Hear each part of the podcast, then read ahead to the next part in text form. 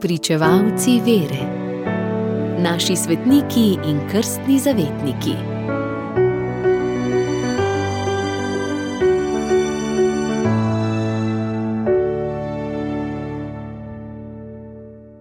Danes, 18. decembra, goduje sveti Vunibald, misionar iz 8. stoletja. Ako je korenina sveta, svete so tudi veje, pravi slovenski pregovor, ki ga navadno obračamo na družino. Vemo pa, da svetost staršev še ni zagotovilo, da bodo sveti tudi otroci, kajti vsak človek ima razum in svobodno voljo, da božje povabilo k svetosti sprejme ali zavrne. Gotovo pa je zgled staršev za otroke podlaga za njihovo ravnanje. Če prebiramo življenje pise svetnikov iz starih, pa tudi novejših časov, odkrivamo primere, da je iz ene družine išlo več svetnikov, ki jih je crkva uradno razglasila.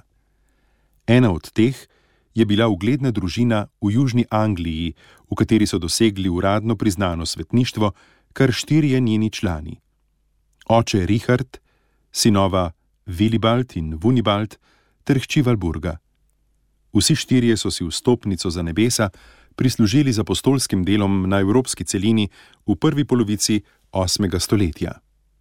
In danes obhajamo spomin svetega Vunibalda, ki je bil leto dni mlajši od svojega brata Vilibalda in je bil rojen leta 702. Vilibald je postal benediktinski menih, predstojniki so mu namenili misionarsko delo. Ko se je z 20 leti odpravljal na pot, je pregovoril očeta Richarda in brata Vunibalda, naj greste z njim. Z jadrnico so prepluli rokavski preliv, ki loči britanski otok od evropske celine.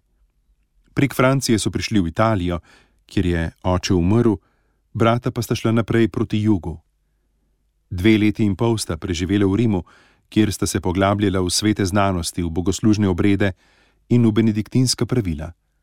Od tam je Vilibald odpotoval na vzhod, obiskal svete kraje v Palestini, Vunibald pa je šel v Nemčijo, kamor ga je klical za pomočnika pri obnavljanju krščanskega življenja sveti Bonifaci, prav tako Anglež in celo daljni sorodnik.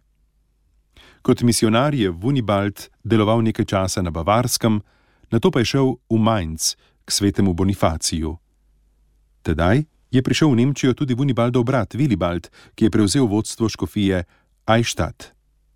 V njegovi škofiji je Vunibald ustanovil samostan Heidenheim, ki mu je bil izhodišče misijonskega delovanja.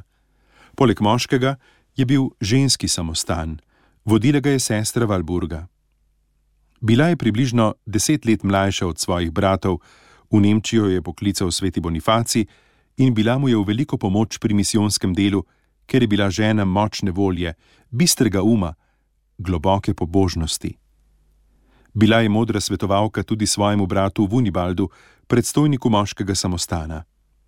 Vunibald je umrl v Heidenheimu 18. decembra leta 761. Ko je škof Willibald v Heidenheimu sezidal veliko crkv, je v njej dobil svetniški grob najprej Vunibald, dve leti pozneje pa tudi sestra Valburga. Današnjega godovnjaka, svetega Vunibalda, za svojega zavetnika častijo gradbeni delavci, pa tudi ženini in neveste. Radio Ognišče vaš duhovni sopotnik.